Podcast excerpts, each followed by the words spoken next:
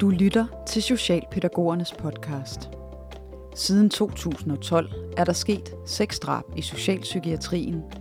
Det seneste, dagen før nytårsaften 2020, hvor 29-årig socialpædagog blev slået ihjel på et bosted i Forvejle. Siden er det strømmet ind med vidnesbyrd fra socialpædagoger. De fortæller om en stadig mere presset socialpsykiatri, hvor borgerne bliver dårligere og dårligere, og hvor sikkerheden og rammerne for at udføre socialpædagogisk arbejde ikke er, som de burde være. Vi bliver verbalt indimellem talt meget grimt til. Der bliver råbt og skrejen af os. Så vi er blevet lidt hærdet. Det er vi blevet, ja. Vi har sat nogle foranstaltninger op, øh, men nogle gange så bliver de bare ikke overholdt. Og øh, hvad fanden skal man stille op på det? Dette er den første af to episoder med socialpædagogers fortællinger fra deres hverdag i socialpsykiatrien. Men vi tager dig også med på det socialpsykiatriske bosted Lindevang, hvor en voldsom episode blev en øjenåbner i arbejdet med at forebygge vold og konflikter til gavn for både beboere og personale. Rigtig god fornøjelse.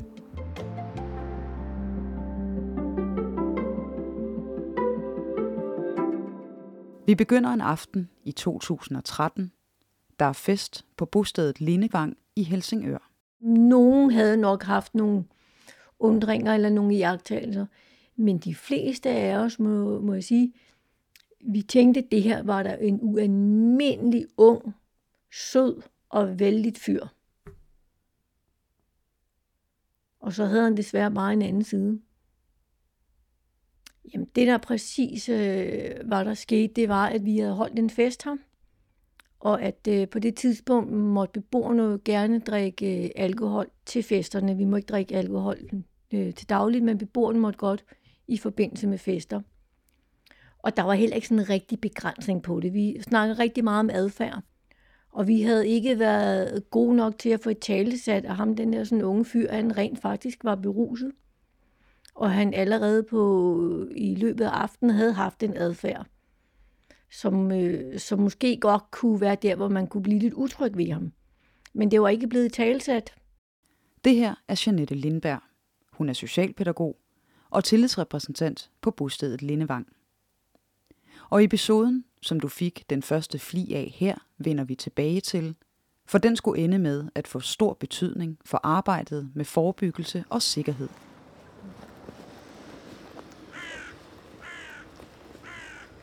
Godt 10 km uden for Vejle, i byen Børkop, ligger bostedet Syrenparken. Jeg hedder Rasmus Dam, og jeg er pædagog og arbejder på Syrenparken, som er et øh, socialpsykiatrisk botilbud. Altså, jeg er inden for regionen, og, og regionen kan man jo sige er, sidste led i, at hvis kommunen ikke kan finde nogen steder, så kan I komme herud til regionen. Så vi har nogle af dem, der er hårdest ramt af psykiske lidelser her på Sorenparken. Jeg elsker mit arbejde. Jeg synes faktisk, det er en fantastisk arbejdsplads. Det er en rigtig stor arbejdsplads. Øh, men som pædagog, så kan jeg da godt savne, at jeg kan bringe min faglighed mere i spil. Rasmus taler med en enorm ro og ømhed, når han beskriver hverdagen på Syrenparken og de mennesker, der bor der. Hans grundindstilling er, at beboerne gør deres bedste med de muligheder, de nogle gang har. Der er jo ingen mennesker, der som udgangspunkt er farlige, øh, men du kan jo godt blive sat i en situation, hvor borgeren bliver så presset, at de ikke kan se nogen anden udvej end at være udadgærende. Øh, det kan i form af at kaste med ting, øh, slå eller spark, spyt øh, og direkte overfald. Det er jo et sted, hvis, som arbejdstilsynet vil sige, de, der er høje følelsesmæssige krav herude. Altså i vores jobansøgninger, så tror jeg også, vi skriver, at man skal være robust. God gammeldags robust for at arbejde i socialpsykiatrien, eller her ved os. Robusthed og høje følelsesmæssige krav kommer nemt til at lyde som buzzwords.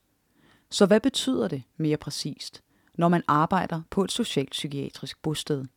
de kan føle enorm svigt og frustration over deres kontaktpersoner. De kan, man kan ende med at blive råbt af, man kan ende med at øh, nu, nu bliver de suicidal. Øh, nu, øh, altså hele tiden have en følelse af, at, at mig som pædagog i mit virke ude i socialpsykiatrien, når jeg arbejder med den her person, Så hver eneste lille skridt, jeg tager, det kan have en kæmpe påvirkning på hendes eller hans humør. Øh, og måske i den negative retning, så de bliver suicidal. Altså det er et enormt ansvar og pres, man kan føle på sig. Hvis du for eksempel har med en anden gruppe at gøre, der med paranoia eller angst, og den her paranoia, den kan være rigtig svær at komme ud af, hvis ikke helt umuligt. Øh, og det kan være alt overskyggende for, for samarbejdet.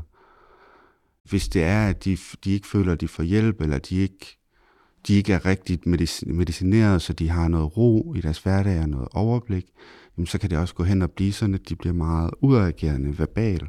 Altså de bliver sure på omverdenen, fordi kan du da for fanden ikke forstå, hvor dårligt det står til, og folk er efter mig. Ikke? Øh, så de høje følelsesmæssige krav der kan være, at du bliver, øh, får en verbal overfusning. Øh, der bliver kastet ting efter dig, fordi at de er sikre på, at du kommer for at gøre dem fortræd, når du kommer og banker på.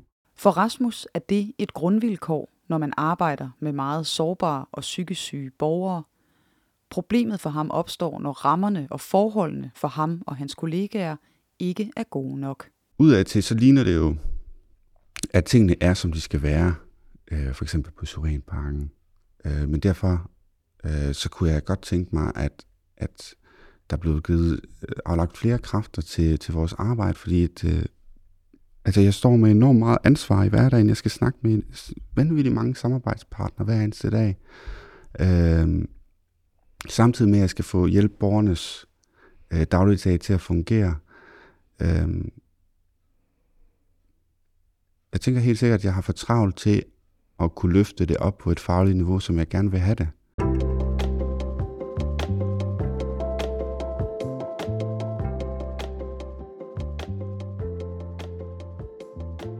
Mit navn er Torben Sirmer. Jeg er socialpædagog, uddannet i 2007. Har arbejdet i øh, socialpsykiatrien siden. Jeg er nu efter veje ansat i det, der hedder Sanderdøjen Vejle Kommune, og har været ansat der de sidste 10 år. Den ydelse, vi leverer, bliver sådan set ringere og ringere, fordi at rammerne til det bliver mindre og mindre. Og de mennesker, der kommer hos os i dag, er væsentligt dårligere end de var for 10 år siden.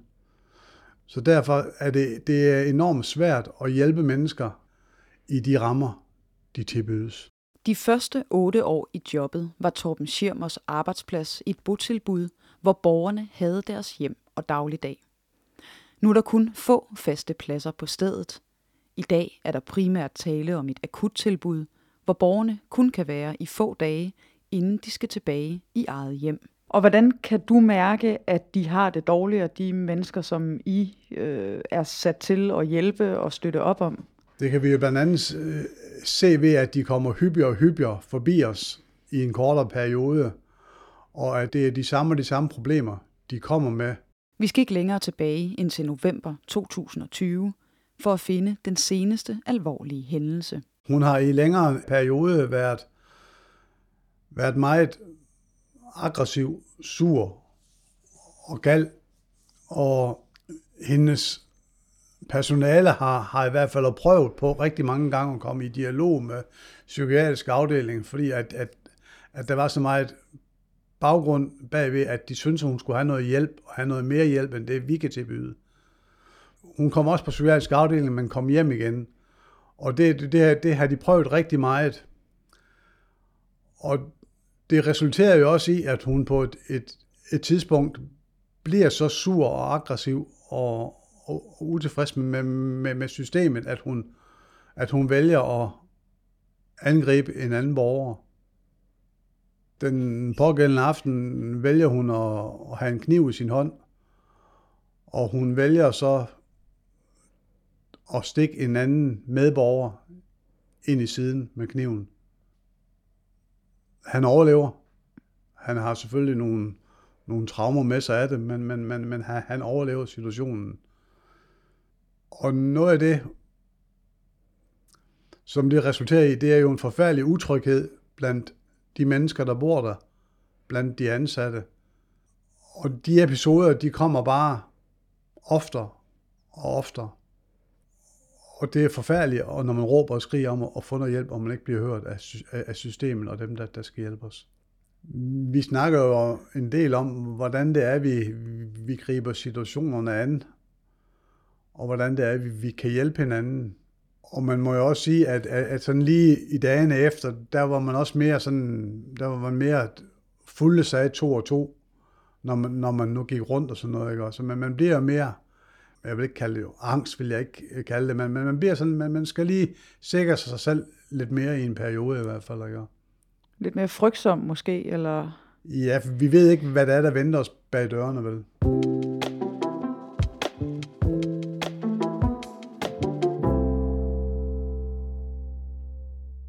Tilbage på Lindevang er man brudt op efter en hyggelig og festlig aften. Personalet har ikke lagt mærke til, at en yngre mandlig beboer er blevet beruset. Og han allerede på i løbet af aftenen havde haft en adfærd, som, øh, som måske godt kunne være der, hvor man kunne blive lidt utryg ved ham. Og det, der så sker, det er jo, at øh, efter festen, så øh, bliver der ryddet op og alt muligt, og folk går hjem, og så er der overladt til nattevagterne. Og den her sådan, beboer, han er jo så både øh, alkohol påvirket, og muligvis også noget has, og opsøgende på en kvindelig beboer vil gerne derind. Og nattevagterne kommer jo så og fortæller ham, at det skal han ikke, og altså fuldstændig som lyn for en klar himmel, så springer han på den ene nattevagt. Øhm, og det, der sker, det er jo, at de er kun to, og den anden nattevagt øh, skal jo så vælge, om hun skal blive i situationen, tilkaldt hjælp og, og alle de der sådan overvejelser, man gør. Men øh, vælger så at ligesom sige, at det bedste, jeg kan gøre pt, det er at tilkalde hjælp, for det her, det kan vi simpelthen ikke magte alene. Så hun får tilkaldt politiet, og oplever også den her frustration at skulle gå fra sine kollegaer, fordi hun også skal lukke politiet ind i den situation. Jamen, det satser der rigtig meget i os. Altså, det er uden tvivl, og jeg tror, vi alle sammen tænkte, kunne vi have gjort det her anderledes? Hvordan kunne vi have formidlet de her signaler? Og tænkte rigtig meget over den der vigtigheden i, at man at man får sagt højt, når der er noget i en adfærd hos en beboer.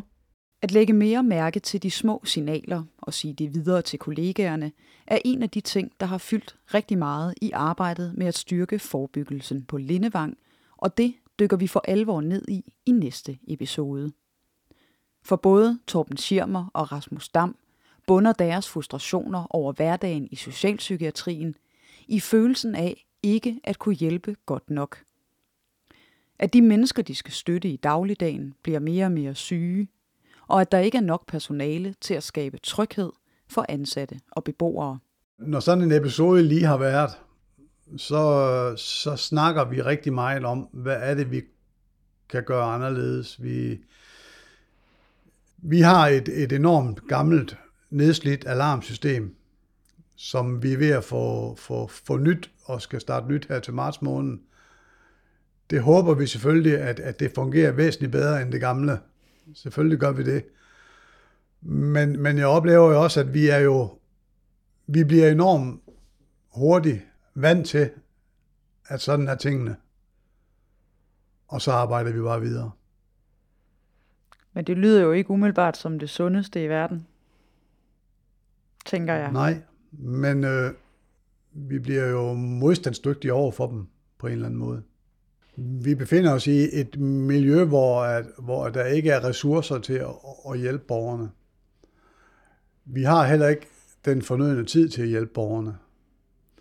Vi har nogle, nogle, nogle, nogle, nogle, nogle kasseløsninger, som de skal passe ind i, og det er den model, der er inden for den kasse, der skal hjælpe dem.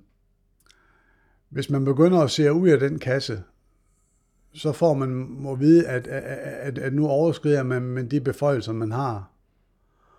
Og nu er vi ved at give dem endnu mere, end de rundt har krav på. Og det betyder bare, at vores arbejdsglæde, livsglæde, det, den bliver dårligere, fordi at, at jeg er uddannet til socialpædagog, fordi jeg har lyst til at hjælpe mennesker. Men et menneske er jo ikke bare en, der kan puttes ind i en kasse, og så er det der inde i kassen, der kan hjælpe den. Nej, det er i hvert fald relationen til borgerne, til mennesket, allerførst, der skal op og bygges. Det kan være, at der er en børge, der, der er suicidal en dag, og Børge, han, øh, Han, øh, han vil ikke indlægges, fordi han har alle hans erfaringer med behandlingspsykiatrien er forfærdelige, men vi kan ikke løfte opgaven i socialpsykiatrien, fordi at nu er Børge altså begyndt at skære i sig selv, og, og nu siger han, at han vil hoppe ned øh, i havnen, eller hvad han nu kunne finde på. Og så, øh, kommer, så kommer politiet eller en ambulance og henter øh, personer, så kommer de ind i psykiatrien, og øh, dagen efter, så er de udskrevet igen. Og de har været så suicidal, at, øh, og er det stadigvæk, når de kommer hjem, for eksempel. Så er der jo ikke noget, der hedder behandling, øh, vel? Øh, jeg har også oplevet, øh, at personalet er blevet overfaldet, og så bliver de udskrevet dagen efter. Eller at en, øh, en, en borger overfalder en anden borger, og så bliver de udskrevet dagen efter.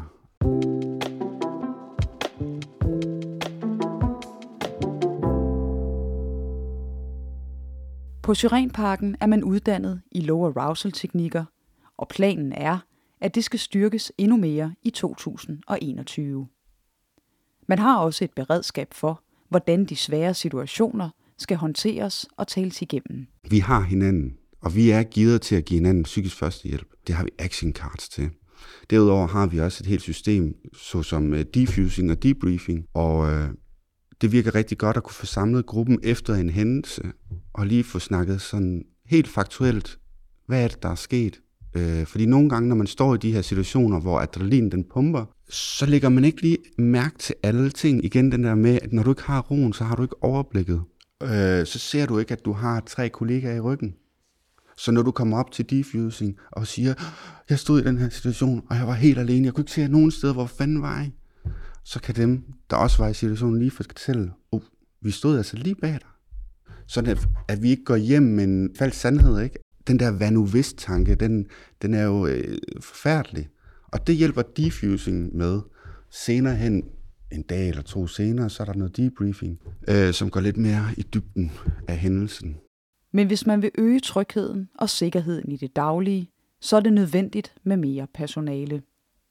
Den 29-årige socialpædagog, der ved nytårstid blev stukket ihjel på et bosted i Forvejle, var alene på arbejde.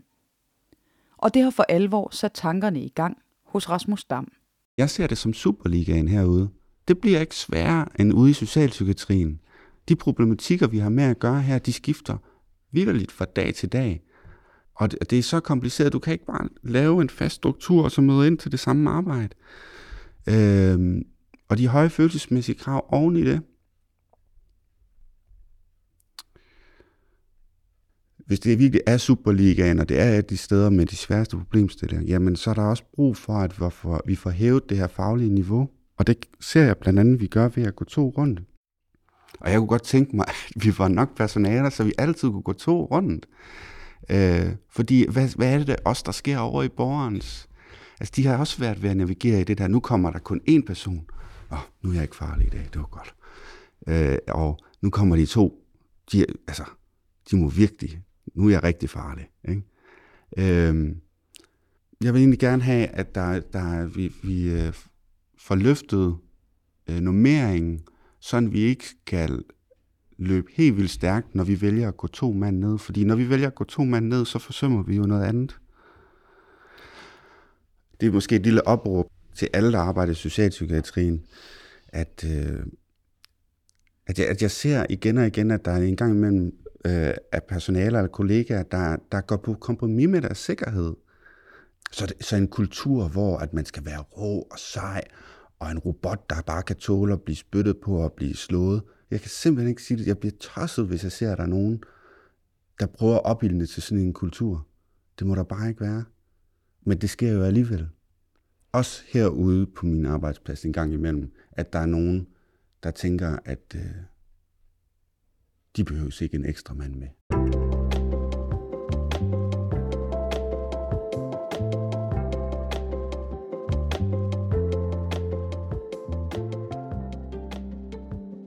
På Lindevang arbejder man også på at skabe en kultur, hvor der er plads til at bruge sine følelser som en del af fagligheden.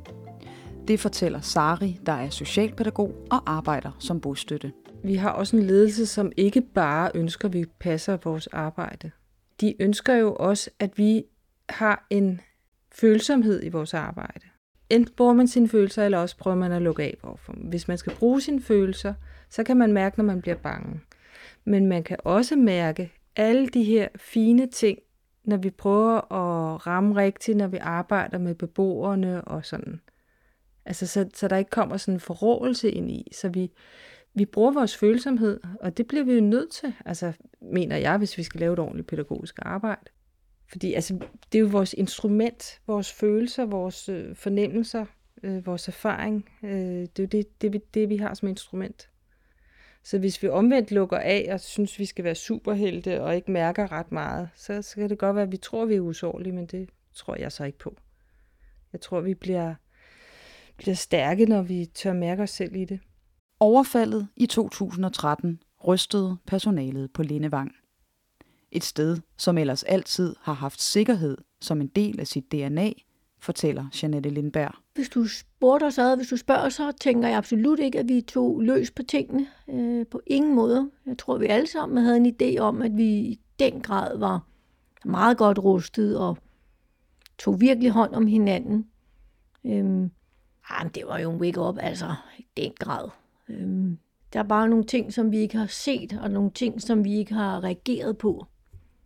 Øhm, og det er der, hvor, hvor jeg synes, vi har den aller, aller største opgave. Det er at få i tale sat det, vi ser, og de forandringer.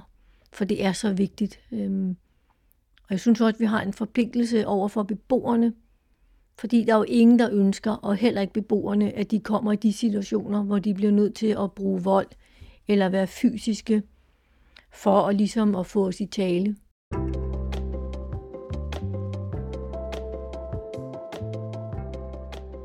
Du har lyttet til Socialpædagogernes podcast. Dette var den første af to episoder om hverdagen i socialpsykiatrien. Den næste podcast ligger allerede klar, og her kan du høre mere til Janette og Sari, og hvordan man på Lindevang gik i gang med at forbedre sikkerheden ved at arbejde målrettet med forebyggelse og faglige metoder, og ved at gå procedurer og fysiske rammer igennem med en tættekamp.